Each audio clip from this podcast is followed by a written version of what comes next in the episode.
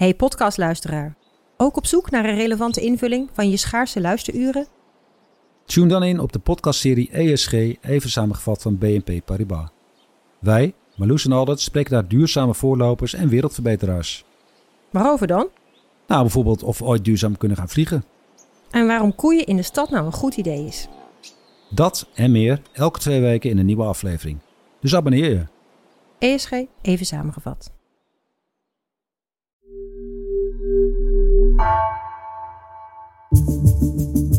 Vanaf de redactie van NRC het verhaal van vandaag.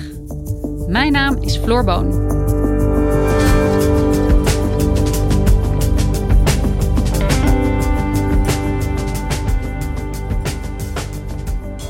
Vandaag, precies 30 jaar geleden, vond een van de grootste rockconcerten ooit plaats in Moskou. En drie maanden later viel de Sovjet-Unie uiteen. Dat rockmuziek en democratische verandering in Rusland met elkaar samenhangen, is een populaire theorie.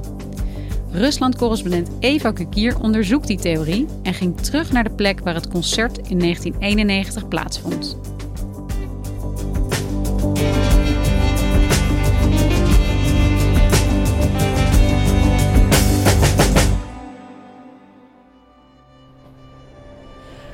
Een paar weken geleden reed ik in een bommeltreintje dwars door Moskou. En naast mij op het bankje zat mijn collega en een goede vriend Andrei Baradulin.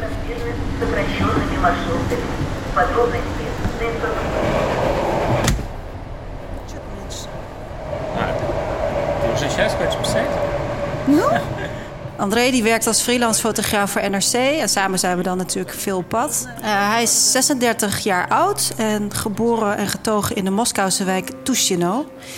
Dat ligt in het noorden van Moskou. Kanaal Imini Moskwy. Eh, toen wij hier reden in dat treintje was het eh, ontzettend rustig. Maar precies 30 jaar geleden kwamen hier honderdduizenden en volgens sommigen wel anderhalf miljoen jongeren uit de hele Sovjet-Unie naartoe getrokken. Ze zetten hun tentjes op, uh, ze hingen op straat rond in de portieken en zetten de boel helemaal op stelten. En ook André, de fotograaf, die was daarbij. Hij was toen zes jaar oud. En hij was daar samen met zijn vader en met zijn oudere broer. Uh, als een van de honderdduizenden bezoekers die ja, op een septemberdag naar Tushino waren gekomen voor ja, wat eigenlijk een historisch evenement is geworden.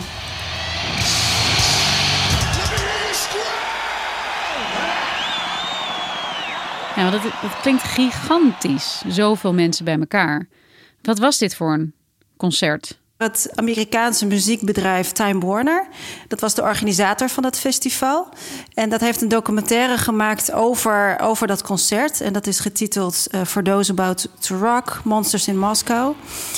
Uh, en in die film zie je hoe wereldberoemde westerse rockbands echt voor een uitzinnige menigte staan te spelen. ACDC, Metallica, Pantera en Black Crowes. Dit waren honderdduizenden Sovjet-Russen en mensen uit andere Sovjet-republieken die voor het eerst in hun leven een live concert bijwonen van, ja, van hun idolen die voordien altijd verboden waren geweest. It's officially forbidden for many years. And the fact that we've got this music festival now, I guess, is very important. Well, I think music is one of the means that can really make people feel closer to each other and make people feel friends. En drie maanden later viel de Sovjet-Unie uiteen.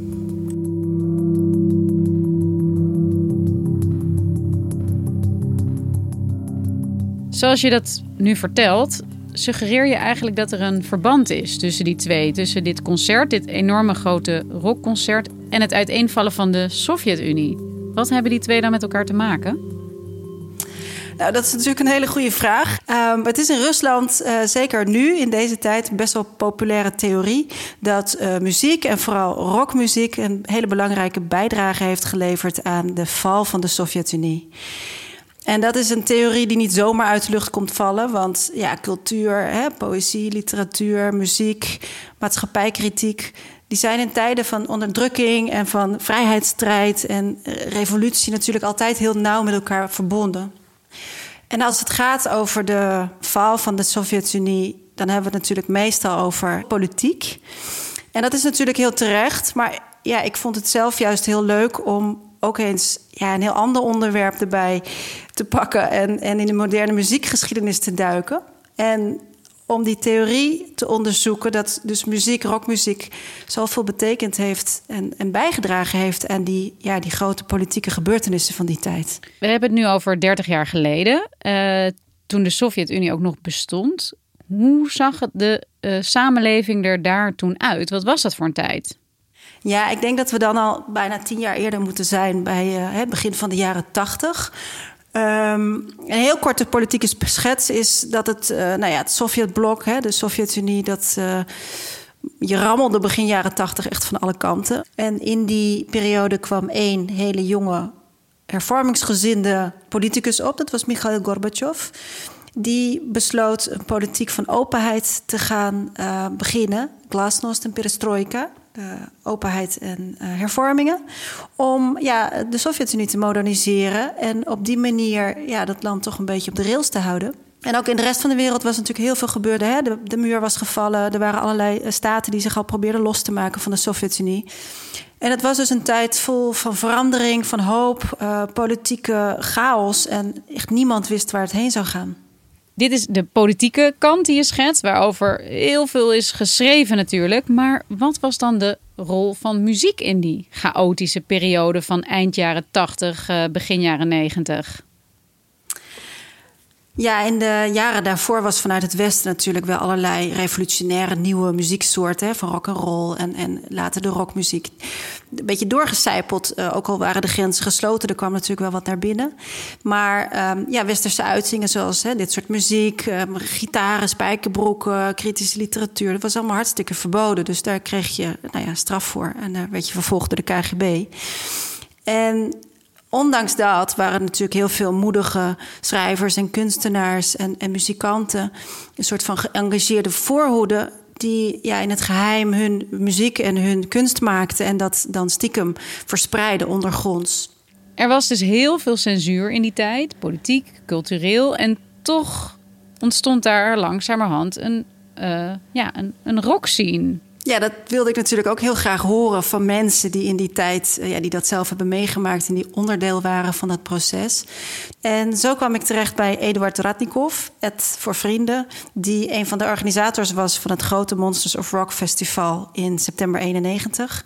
En Ratnikov is vandaag een van de grootste muziekpromotors in Rusland. Even TCI company is uh, one of the most established, uh, oldest Russian international promoter company. We started with rock acts, dinosaur acts like uh, Scorpions, Deep Purple. And when we started bringing bigger acts like uh, like Korn, Limp Bizkit, uh, I can't even remember. Maar begin jaren tachtig was uh, Ed uh, Radnikov maar ook gewoon een, ja, een kleine jongen. hij werkte als DJ in ondergrondse geheime clubs. In 1982, I was 16, 17. I was working as a DJ in a discotheque. And it was one of the best years in my life.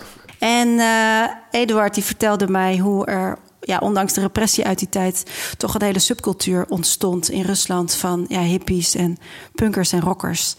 Die allemaal wilden ontsnappen aan die verstikkende Sovjet-realiteit. And it was not legal, of course, because uh, we had questions from cops, from uh, militia. We had questions from undercover young communist KGB who was uh, searching for different thinking thinkers who look different, who thinking different. It was brotherhood, sisterhood. Even in asphalt, you see some leaves growing. You know, you cannot stop life.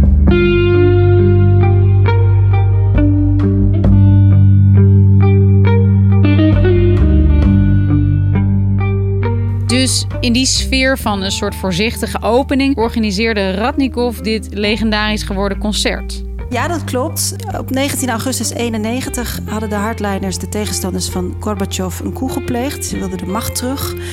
Maar ze hadden niet zo goed gerekend met alle medestanders van uh, Gorbachev, die wel die democratische omwenteling wilden. En um, allemaal de straat op gingen. En ja, terwijl tanks door de straten reden, trokken duizenden Russen naar het Witte Huis hier in Moskou om ja, de democratie, zeg maar, die fragiele net ontstaande democratie, te redden van de hardline communisten. En op dat moment kwam Radnikov terug uit de VS waar hij een bezoek had gebracht aan een muziekbeurs. En toen hij terugkwam in Moskou, ja, zag hij totale chaos. En hij zag uh, mensen op straat en hij zag tanks en het leger. En uiteindelijk is die coup mislukt. Maar wat hij bedacht met mensen die hij, met, met, met wie hij toen werkte, is: we moeten die democratie een duwtje in de rug geven. Uh, we don't know what, what to expect, but uh, obviously, uh, new democracy forces in danger. We realized that we should start to do a show uh, to attract people, to make them united, to make them feel better united and stand together against all of this old communist shit. Zo kwam er een idee om ja, een gratis rockfestival te organiseren met Russische rockbands. Uh, voor, nou ja, in, in, dat, in, in die chaos daar in Moskou van, van die maand augustus in 1991. It was not idea to bring ACDC Metallica. It was idea to bring our top local acts. Maar toen gebeurde er eigenlijk iets heel geks, iets heel bijzonders. Uh, het Amerikaanse bedrijf Time Warner, dus het grote muziekbedrijf, die had net hetzelfde soort idee gehad. Wow, we had a request from Time Warner from the top uh, level that we're looking for a promoter to help them to set up a, a celebration, a big charity show, Monsters of Rock in Moscow to celebrate the victory of democracy forces. Man, we should put ourselves together and uh, make best we can do. Er was een kleine opening in die maatschappij, ook onder Gorbachev en zo na die coup. Maar juist een Amerikaanse organisatie, de ja, voormalige of in die tijd nog vijand erbij te halen, was dat niet ook onnodig de aandacht naar ze toe te trekken? Want het was toch ook illegaal in die tijd? Ja, dat zou je denken. Maar je ziet daar ook aan hoeveel tegelijkertijd aan het veranderen was. En hoe die opening van het land eigenlijk niet tegen te houden was. Ze kregen zelfs carte blanche van de nieuwe democratische regering, die de coup had gewonnen, om dit festival te organiseren. I received a carte blanche letter from Silaev, from uh, Prime Minister of Russia. This letter was simple. Give all support and possible help to uh, to organizer of this festival in the Music International Festival. Dus de overheid die steunde dit project aan alle kanten. En dat was natuurlijk ook een gigantische onderneming, want dat concert dat moest, dat is uiteindelijk in drie weken uit de grond gestampt. En in Sovjet-Rusland had niemand daar ervaring mee. Dus ze hadden ook echt alle hulp nodig van buitenaf. It's hard to explain how it was at the time. How to bring it. We was not prepared. It was problem came out of the blue. Yes, it was uh, actually Time Warners who invested all their money, who put the, their best uh, specialists in, in this crew. We was helping. En waarom deed Warner dit? Nou ja, aan de ene kant denk ik dat het wel degelijk hè, oprecht een soort van enthousiasme was. Uh, gedreven door de politieke gebeurtenissen. Het was natuurlijk, het had ontzettend veel resonans, die omwenteling die daar plaatsvond. En um, dat klonk in de hele wereld door. Dus er was zeker wel uh, gewoon ja, een soort altruïsme misschien. Maar aan de andere kant, hè, Warner was natuurlijk een groot uh, commercieel bedrijf. En die zagen ook wel de enorme muziekmarkt die hier ineens zich opende. De hele Sovjet-Unie die altijd achter dat ijzeren gordijn verstopt was. En nu ineens uh, nou ja, enorme markt natuurlijk waar ze graag in wilden springen. Het is ongelooflijk, maar na drie weken hadden ze dus voor elkaar. Ze hebben daar een podium neergezet en uh, toen was het opeens zover.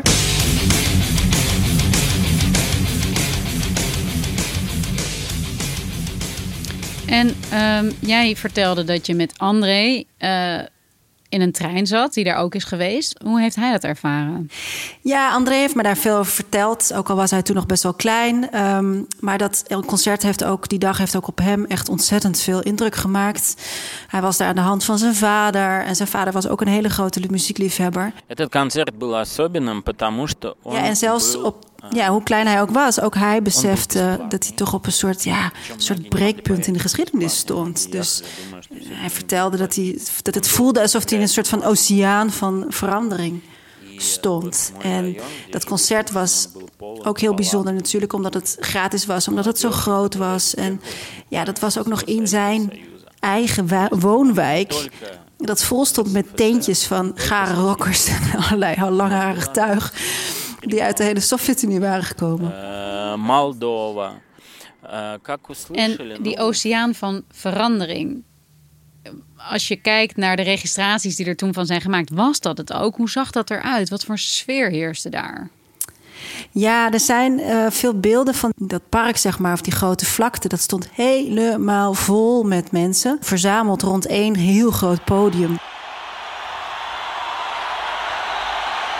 En um, je ziet op de concertregistratie Sovjet-soldaten die moesten orde zien te houden. Nou, dat waren natuurlijk ja, onervaren jonge mensen die ook totaal niet voorbereid waren op een massa rockers. Right, and when kids start throwing bottles to police in as a reaction on this treatment and uh, police start to get crazy about it start to beat them up even harder and that's how this mess started right like in 15 minutes it was entire field of battlefield because it was big fight between police and kids and ja, je moet je ook voorstellen, al die jongeren die stonden daar helemaal uit hun dak te gaan. Er was ook heel veel drank. Dus ja, die moesten ook al hun enthousiasme, maar ook hun agressie natuurlijk kwijt. En ja, die gingen op de, op de vuist met de politie.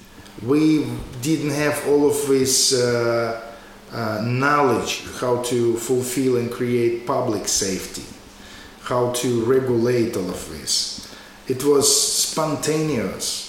En André die vertelde dat ook, hè, hoe uh, die ongehoorzaamheid, hoe bijzonder dat eigenlijk was. Это все привело к тому, что там вообще такая эмоция,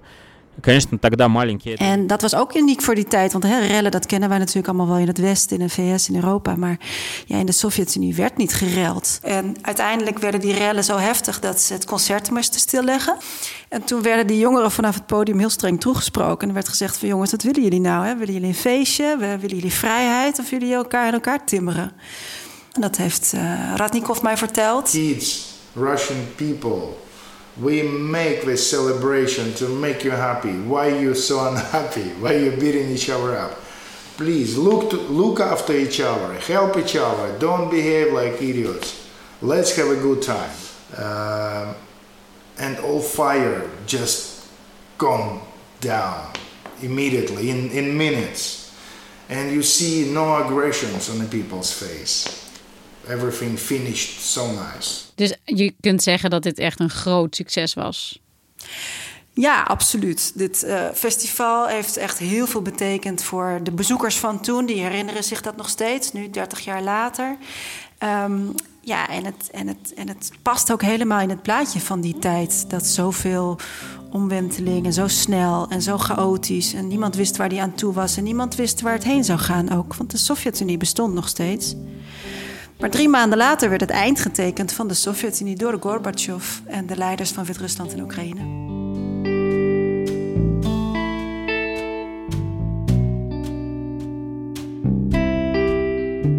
En Radnikov? En Radnikov die heeft een medaille gekregen van Boris Yeltsin, de nieuwe president van Rusland. En daar is hij ontzettend trots op. And it worked well. Boris Yeltsin gave me a medal defender of liberated Russia. It's one of the first uh, medal in new country. I still have it. I still keep it somewhere.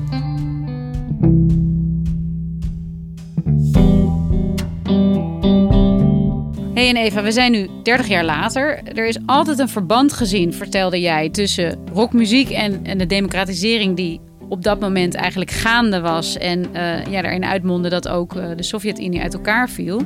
Maar hoe is het nu? Want Rusland is niet een land dat we nu kennen met een vrije samenleving waarin iedereen maar kan doen en laten wat hij wil. Nee, dat klopt. Uh, kijk, muziek, rockmuziek is natuurlijk al lang niet meer illegaal. Alles is uh, toegestaan, alles is vrij verkrijgbaar. De winkels op het internet uh, kun je alles kopen wat je wilt horen. Uh, Moskou is een populaire festivallocatie geworden. Radnikov is een beroemde promotor geworden. Maar toch, ja, wat je zegt, in het, in het huidige Rusland is het steeds minder mogelijk eigenlijk om je als geëngageerde kunstenaar of muzikant te uiten met kritiek op de maatschappij. En ehm, nu nog steeds staan veel oude rockers uit de tijd van de, hè, waar we het net over hadden, de jaren 80 en de 90. Die staan nog steeds op de barricades, maar nu niet tegen het Sovjetbewind of zo, maar tegen eigenlijk ja, de, de opkomende dictatuur onder Poetin. En is er dan ook nog iets overgebleven van eh, de onderliggende krachten die dat festival in die tijd uh, teweeg brachten? De democratische waarden die het graag wilde uitstralen. We hadden anderhalve week geleden natuurlijk verkiezingen in Rusland. En ja, daarin zie je ook uh, heel veel kritische kandidaten, oppositiekandidaten zijn opgepakt, gevlucht het afgelopen jaar. Er zijn heel veel mensen vervolgd die hun mening gaven op Twitter, uh, social media. En, en toch, je ziet daar ook, hè, enerzijds natuurlijk heel triest, omdat je ziet dat er ja, zoveel repressie weer is en dat er zo weinig ruimte is voor vrije geluiden. Tegelijkertijd zijn er dus heel veel vrije geluiden en heel veel mensen die op een andere manier toch weer zoeken naar ja, openheid en vrijheid. En zo zie je dat 30 jaar na de val van de Sovjet-Unie die twee groepen toch weer een beetje tegenover elkaar zijn komen te staan. Dankjewel, Eva. Dankjewel, Floor.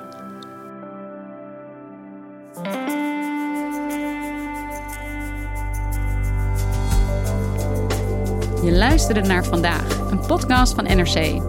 Eén verhaal, elke dag. Deze aflevering werd gemaakt door Henk Ruig van de Werven en Bas van Win. Dit was vandaag. Morgen weer.